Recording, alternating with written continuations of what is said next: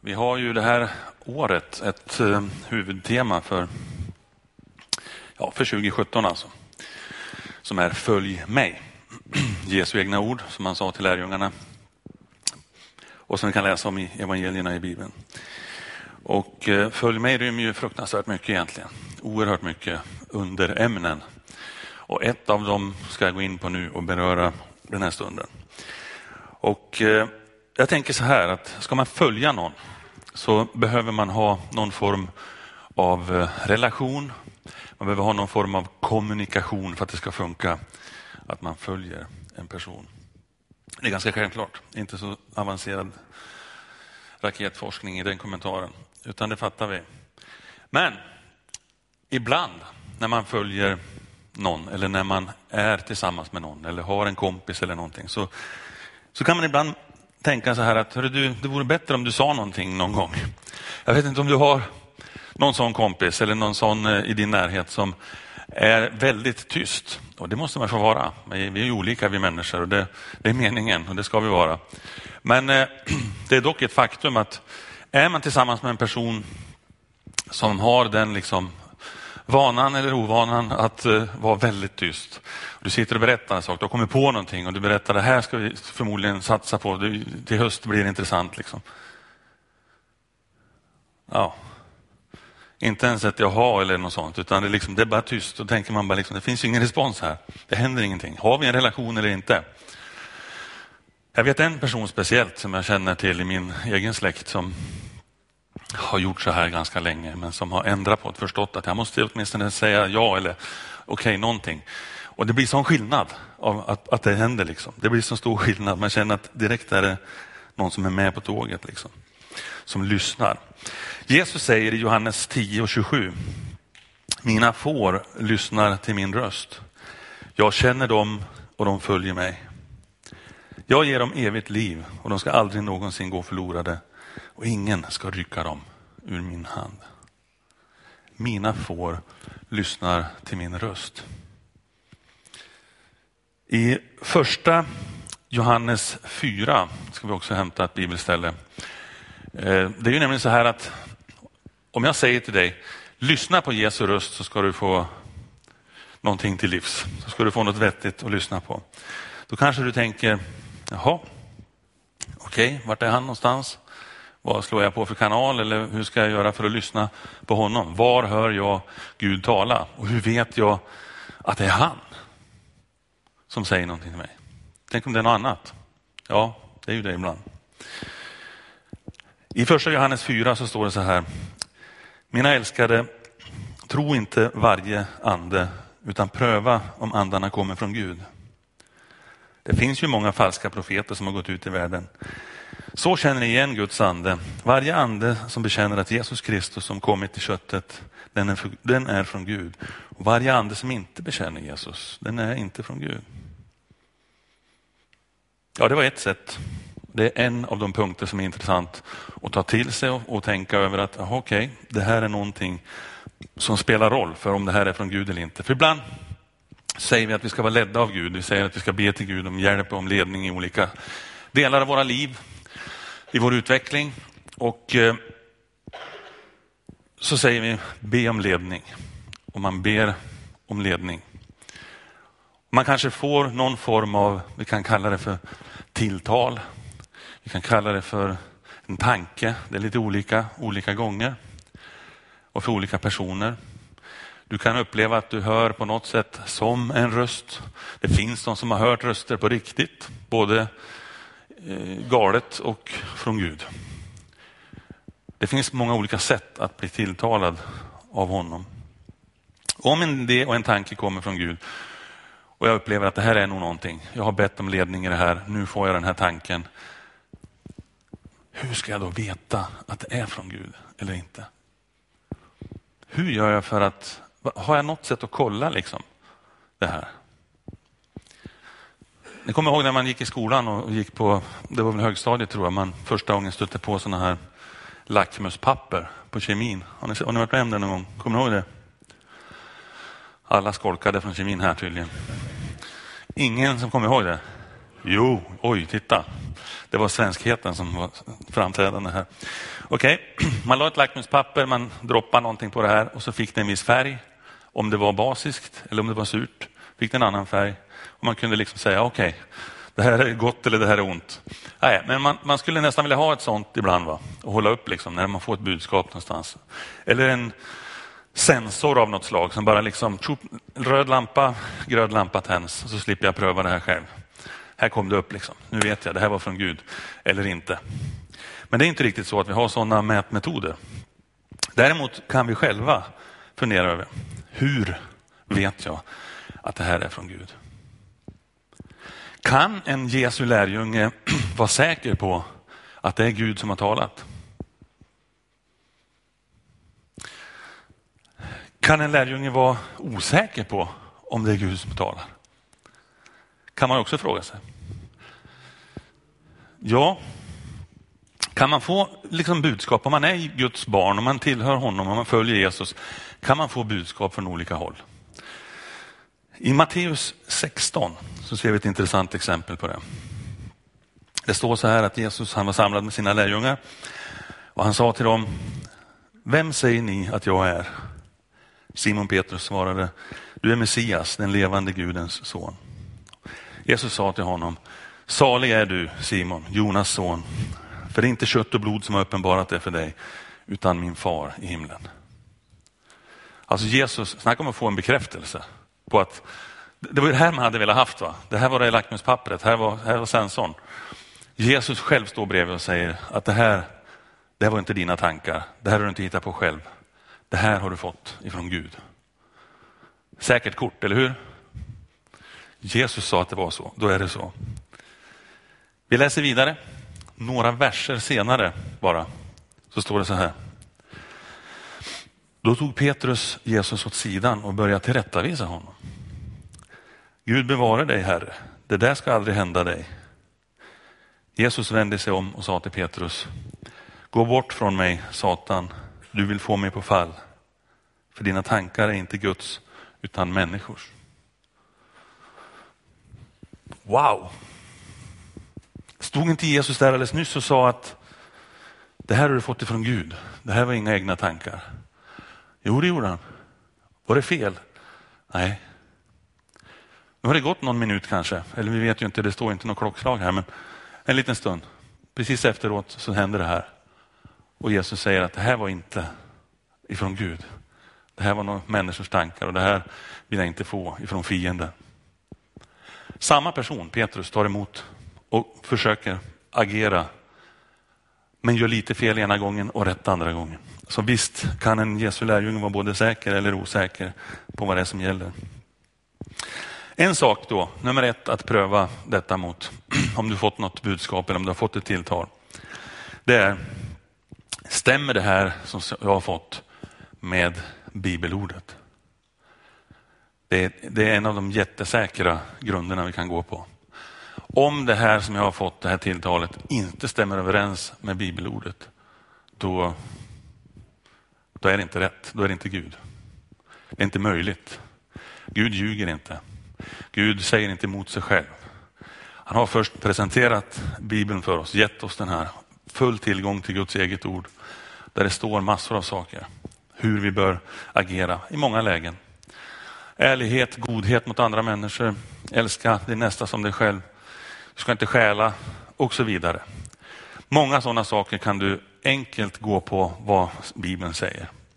Om ditt budskap som du har fått när du har legat tänkt hemma, Gud, är det meningen att jag ska ha den där motorcykeln så får du hjälpa mig och, och, och så får du en tanke att ja, men jag kan ju sno den som står längre ner på gatan. Ja, det var knappast ifrån Gud, eller hur? Det var väldigt lätt, ett väldigt lätt exempel. Men det var väldigt lätt för att ni ska fatta vad jag menar. Men att det finns faktiskt bibelställen som talar om du ska sno motorcyklar eller inte. Du ska inte stjäla. Massor av sådana, vi kan inte gå in på alla de exemplen, men massor av sådana saker hjälper oss att fatta det. Men på något sätt så måste vi många gånger vända oss till Gud. Av någon anledning så gör vi ofta det och säger liksom Gud kan du inte ge mig ett tecken?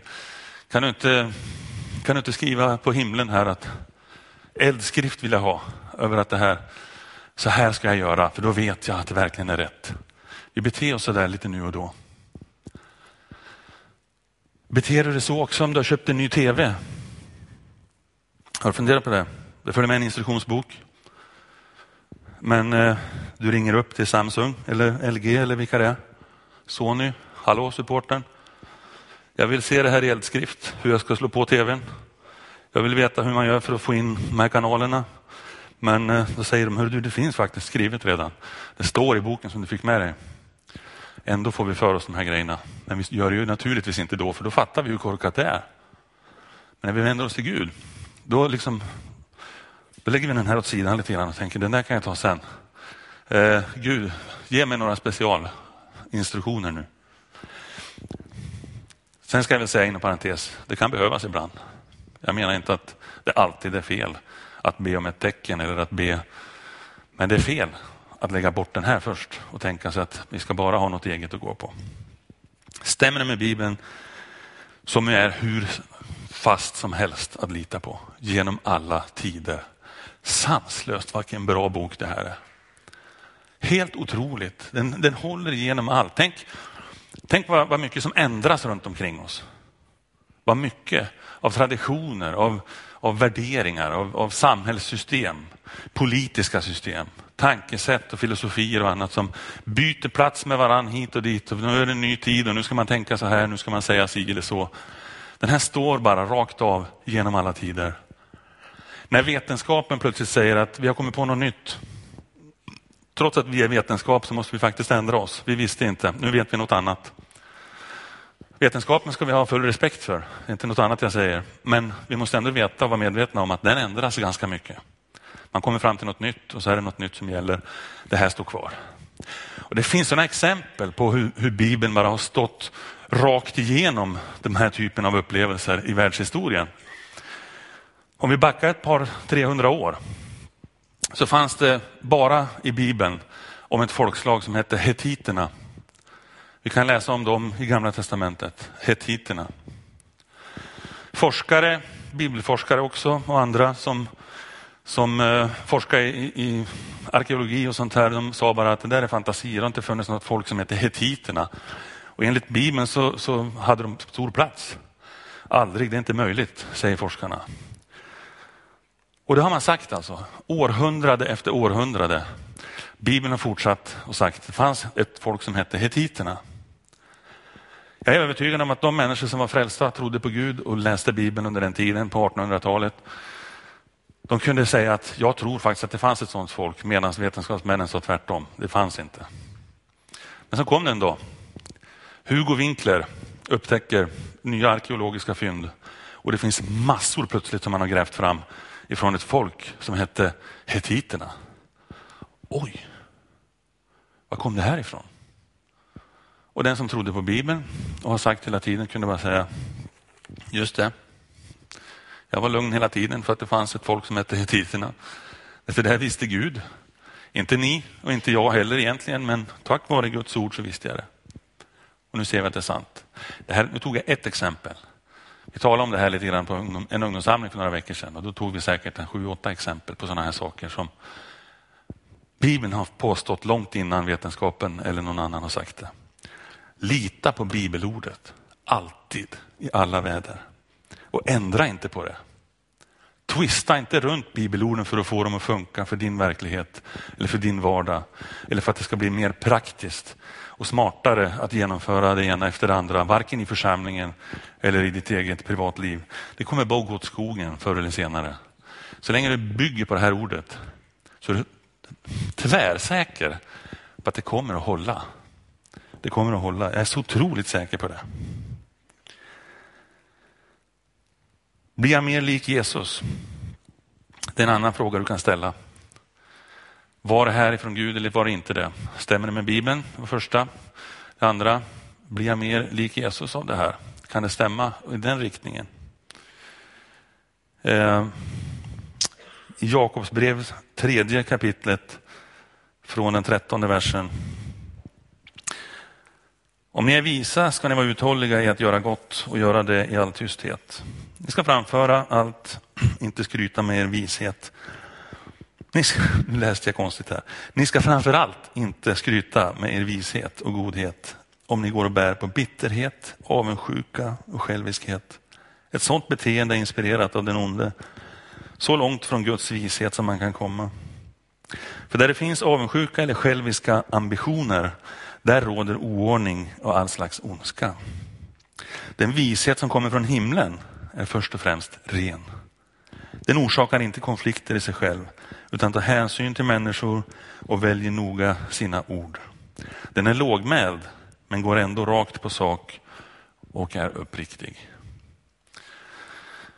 Vad vill jag säga med det då? Ja, om det tilltal du har fått andas hämnd, eller att du ska ge igen på någon, eller hur du ska agera i den här situationen. Du ber om, om, om idéer omkring det och du får sådana tankar. Kan du också skrota dem ganska snabbt. De stämmer inte överens med att försöka bli mer lik Jesus. Stämmer inte överens med att försöka leva efter vad, eh, efter vad Gud har sagt i sitt ord. Det kan vara så ibland. Kan, det, är inte, det är inte konstigt alls att vi får sådana idéer. Att det här kan jag göra. Det kommer i och för sig kanske att skada några andra om jag gör så här, men jag kommer tjäna på det. Ja, det är förmodligen inte Guds idé du har fått. Att känna avund är väl illa nog. Men att skapa avund inför andra människor är ännu värre. Det kommer inte av Gud. Att försöka skapa avund, nu gör jag det här så de andra ska se minsann att jag har någonting bättre. Att jag glider fram när de andra har det jobbigt. Försök inte göra det.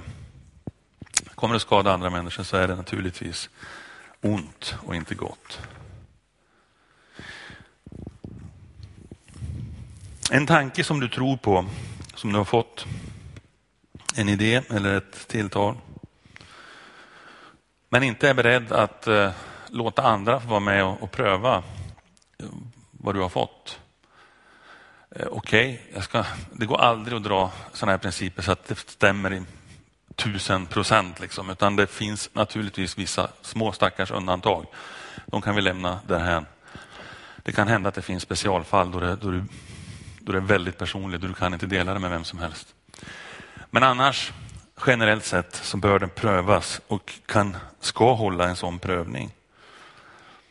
Jag vet inte hur du prövar först om vi går till ditt vardagsliv. Om du, om du har vanliga små vardagsproblem och tänker hur ska jag göra med det här? Ska vi köpa nya däck till bilen? Ska vi, ska vi köpa bättre fälgar till däcken? Eh, snyggare aluminiumfälgar, de kostar ju ännu mer. Eh, 18 tum vill vi ha. Eh, nu pratar jag lite mer till männen än till kvinnorna, men frågar du frun först då, eh, vilka fälgar ska vi köpa? Eller funderar du själv på att de här gör jag och så tar det om bara vad det kostar? Eh, eller gardiner, eller om det är tvärtom. Kanske är mannen som hänger upp gardinerna hemma. Jag har i princip aldrig gjort det, men eh, eh, det hänger några där i alla fall. I alla fall, vad jag säger är att vi behöver kunna pröva detta vi har fått.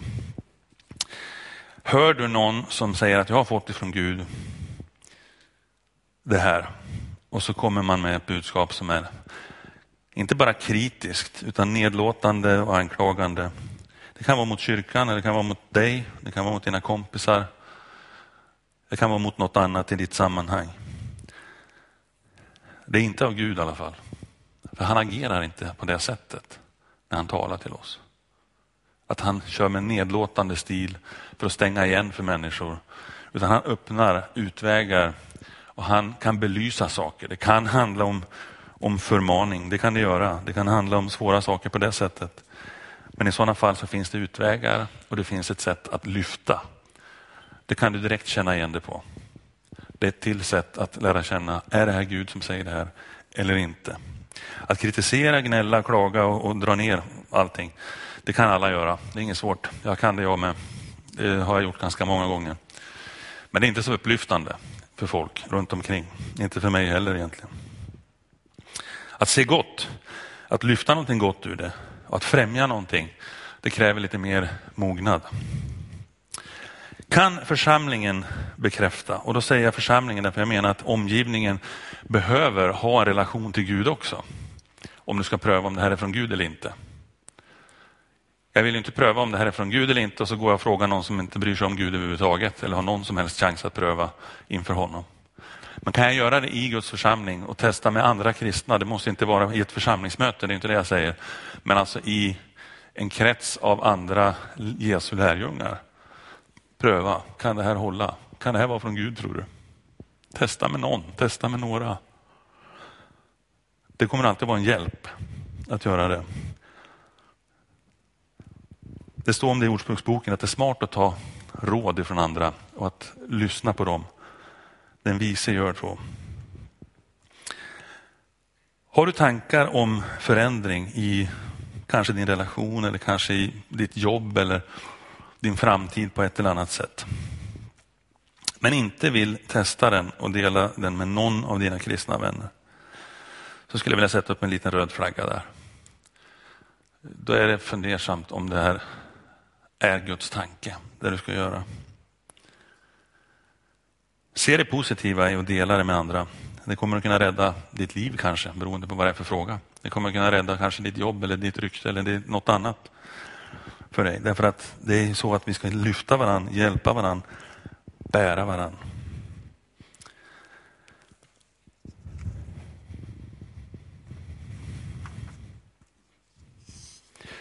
Jag går till en till punkt här. Stämmer det här tilltalet, det här jag har fått, med den som Gud har skapat mig till? En del saker kan eh, stämma överens med det första, att det finns, det finns inget i Bibeln som direkt säger emot det här eller som, som leder mig åt annat håll. Eller det är församlingsfolk som jag har pratat med, andra kristna kan ha bekräftat att ja, men det kan nog stämma. Jag kanske märker att det gör mig inte mer olik Jesus i alla fall. Så man kan placera de här första punkterna, men så glömmer man punkt fyra. Stämmer det här med hur Gud har skapat mig? Och här menar jag att funktion och utformning ofta hör ihop. Alltid egentligen. När Gud har format oss så har han tänkt uppgifter för oss, funktioner för oss. Visserligen kan han skickliggöra oss på områden för att täcka upp brister som behövs täckas upp. För att fylla ut platser som ingen har eller kan ta. Det tror jag säkert. Absolut. Men i första hand så bygger han naturligtvis sina uppgifter för dig på den han har gjort dig till, den han har skapat dig till. Jämför olika saker. Jämför dina gåvor, dina talanger med det du upplever att Gud säger att du ska göra. Du kan räkna med att Gud vill använda dina gåvor i den uppgift som du är på väg in i eller som du kanske redan har. Det du är bra på det har ofta Gud kallat dig till att syssla med. Är det någonting som du upplever, det här är jag väldigt bra på, men jag får inte plats med det någonstans. Tycker att det är så i församlingen till exempel. Men kom för allt i världen till oss och säg det, vi som jobbar här. Till andra som jobbar i församlingen som inte kanske är anställda men som jobbar med olika uppgifter. Berätta. Det här, det här känner jag för. Det här, jag, det här är en grej som jag tror jag kan bra. Det här är något Gud kan ha kallat mig till. Men var ska jag göra det någonstans? Det passar inte på Kaj Global. Det passar inte på, på en gudstjänst i kyrkan. Jag vet inte vart jag ska ta vägen med det här, för det här är något som jag tror Gud har kallat mig till. Ja, men kom med det. Låt oss pröva det. Låt oss hitta nya vägar för det. Jag är övertygad om att Gud har en kallelse och en tanke i det. Han vill använda dina områden i livet och göra någonting bra utav dem. Det du kan, det du redan gillar, och det du redan är bra på. Det behöver inte vara det att det är allt som är det häftigaste. Det kan vara det att det är något som du bara vet, det här känner jag ett kall till. Jag visste redan innan jag gick upp här att jag kommer inte att hinna med alla punkter idag. Eh, jag gissade inte bara det, utan jag visste det. Så, men jag visste inte riktigt var jag skulle stanna. Men det vet jag nu. Amen. Tack Herre att du har kallat oss. Tack att du har skickliggjort oss och du fortsätter att skickliggöra oss på så många olika områden, Herre, där vi behöver hjälp och ledning av dig. Jag ber, Herre, att var och en av oss som är här nu, som vill leva nära dig, som vill följa dig och som vill bli ledda av dig också ska få en möjlighet här att pröva det du säger inför skriften, inför andra människor. Jesus, jag ber, led oss och gör det här på ett sätt där vi lär känna din röst så tydligt att vi aldrig tvekar. Ja, vi kanske tvekar en stund, men sen vågar vi faktiskt gå. För vi tycker oss känna igen att det är du som talar. Hjälp oss att bli ännu duktigare på det. Känna igen mer och mer att det här kommer från Gud. Då blir vi bättre, mer precisionsfyllda här, mer profetiska i vårt agerande. Och det behöver vi vara för att det ska hända ännu mer saker i vår verksamhet och i våra liv. Amen.